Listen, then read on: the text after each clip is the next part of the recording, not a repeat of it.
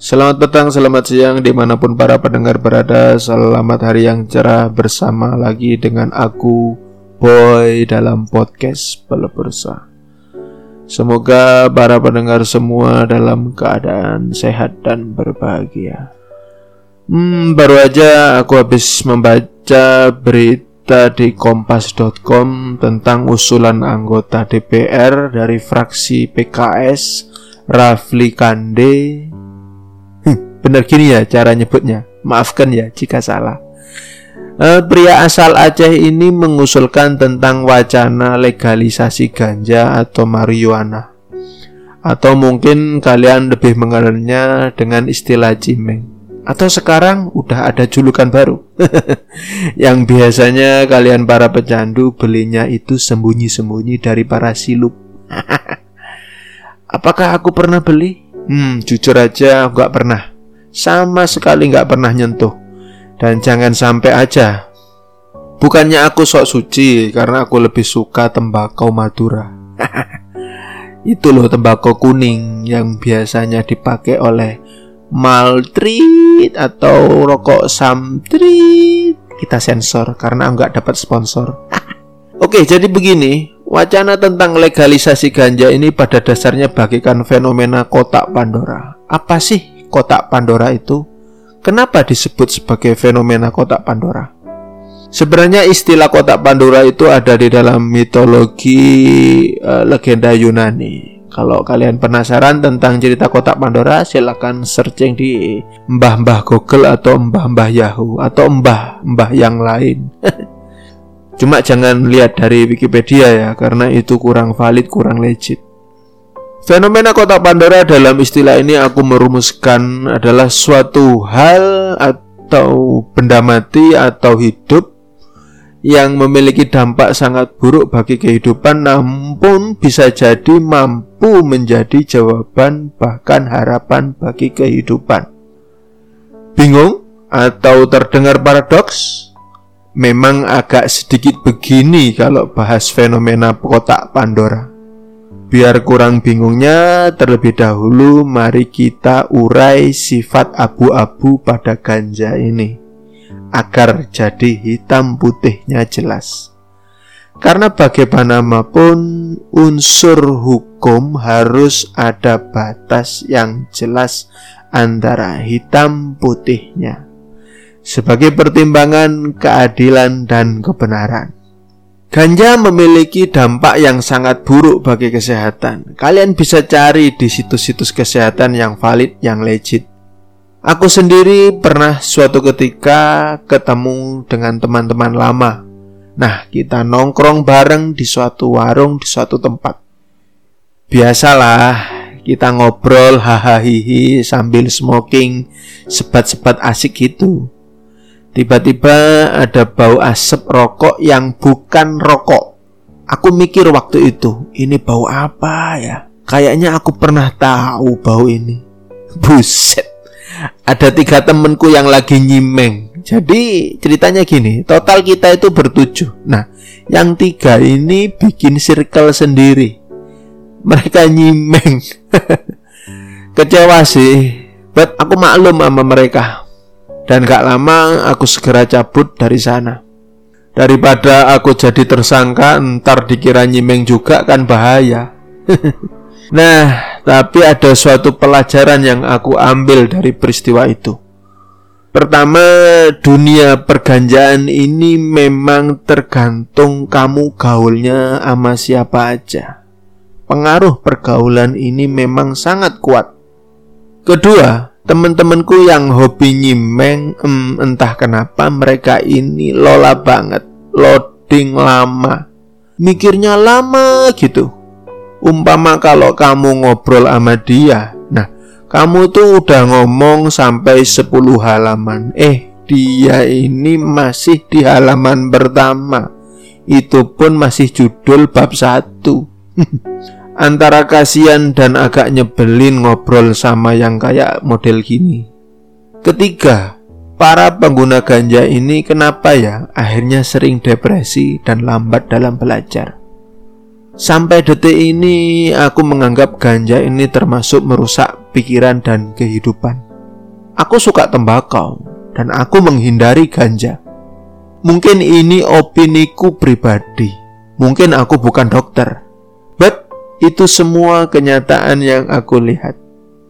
Meskipun ganja memiliki dampak yang sangat buruk bagi kesehatan, aku masih mengulik info positif dari ganja. Info yang aku dapatkan, ganja bisa jadi bahan makanan, ganja bisa jadi bahan pakaian, bahan kertas. Bahkan info terbaru, ganja memiliki peran positif di dunia medis dan kosmetik. Kelebihan dan manfaat ganja inilah yang kemudian menjadi salah satu alasan bagi pejuang dan penyeru legalisasi ganja. Uniknya, memang Indonesia, di mana Aceh khususnya, yang ada tanaman ganjanya, justru belum melegalkan ganja. Padahal negara-negara maju sudah mulai melegalkan dengan aturan hukum yang kuat dan jelas. Dengar-dengar, Kanada adalah salah satu negara yang udah melegalkan ganja. Kalau gak salah, Australia dan Belanda udah melegalkan ganja juga. Bagaimana dengan kita Indonesia yang mayoritas muslim dan bangsa beragama? halal atau haram? Bagaimana hukum ganja dalam fikih? Nah, tentunya kita perlu pendapat para ahli kitab, ahli tafsir, ahli fikih, dan orang-orang yang alim. Perlu ada musyawarah yang teliti, yang mufakat, menggunakan data-data para ahli biologi, ahli farmasi, dan semua para ahli yang mengerti unsur kimiawi dalam tanaman ganja perlu jelas mendetail tentang kandungan ganja saat hidup atau saat kering dan mati. Pengelolanya bagaimana yang aman bagi kesehatan ini perlu dicari. Lalu bagaimana dengan pemuka agama lainnya? Perlu ada perwakilan karena umat lain pun memiliki pandangan keimanan yang patut dihormati. Kenapa butuh pendapat agama lain? Ya, karena bineka tunggal ika juga ada Pancasila dengan sila pertama ketuhanan yang Maha Esa. Kita harus paham dengan toleransi menghormati ajaran agama lain. Sekitar 500 tahun yang lalu misalnya, Sunan Kudus mengeluarkan fatwa larangan penyembelihan sapi sebagai hewan kurban. Kenapa? Untuk menghormati menjaga kerukunan dengan umat Hindu yang mengimani bahwa sapi adalah makhluk suci tunggangan Dewa Siwa. Nah, lalu bagaimana perayaan Idul Adha di era Sunan Kudus itu? Beliau menyarankan menggunakan pengganti hewan seperti kerbau, kambing, dan sebagainya. Aku jadi ingat kadal gurun yang jadi penceramah dengan ngawurnya dia mengatakan bahwa Wali Songo itu fiktif hanya dongeng. Wah wah wah wah. Anak kecil ini keterlaluan. Nggak pernah belajar sejarah Indonesia kok berani ngomong Indonesia. Wali Songo itu bagian dari sejarah besar bangsa ini kebodohan kok ditularkan ke banyak orang. Aduh aduh, kasihan bangsa ini. Ada orang gila berjenggot lebat naik panggung teriak-teriak terus dianggap alim. Padahal nalarnya dangkal hatinya jorok. Aku tidak membenci dia. Tapi siapa yang nyuruh dia naik mimbar terus ceramah? Semoga kita dijauhkan dari kebodohan. Oke, kembali ke topik. Fatwa unik Sunan Kudus ini mengajarkan pada kita bahwa umat Islam harus bijaksana dalam bertetangga. Bagaimanapun ada suatu kondisi sebagai muslim akan bertetangga dengan non-muslim. Begitu juga dengan ganja, kita harus melihat dari sudut pandang keimanan agama lainnya.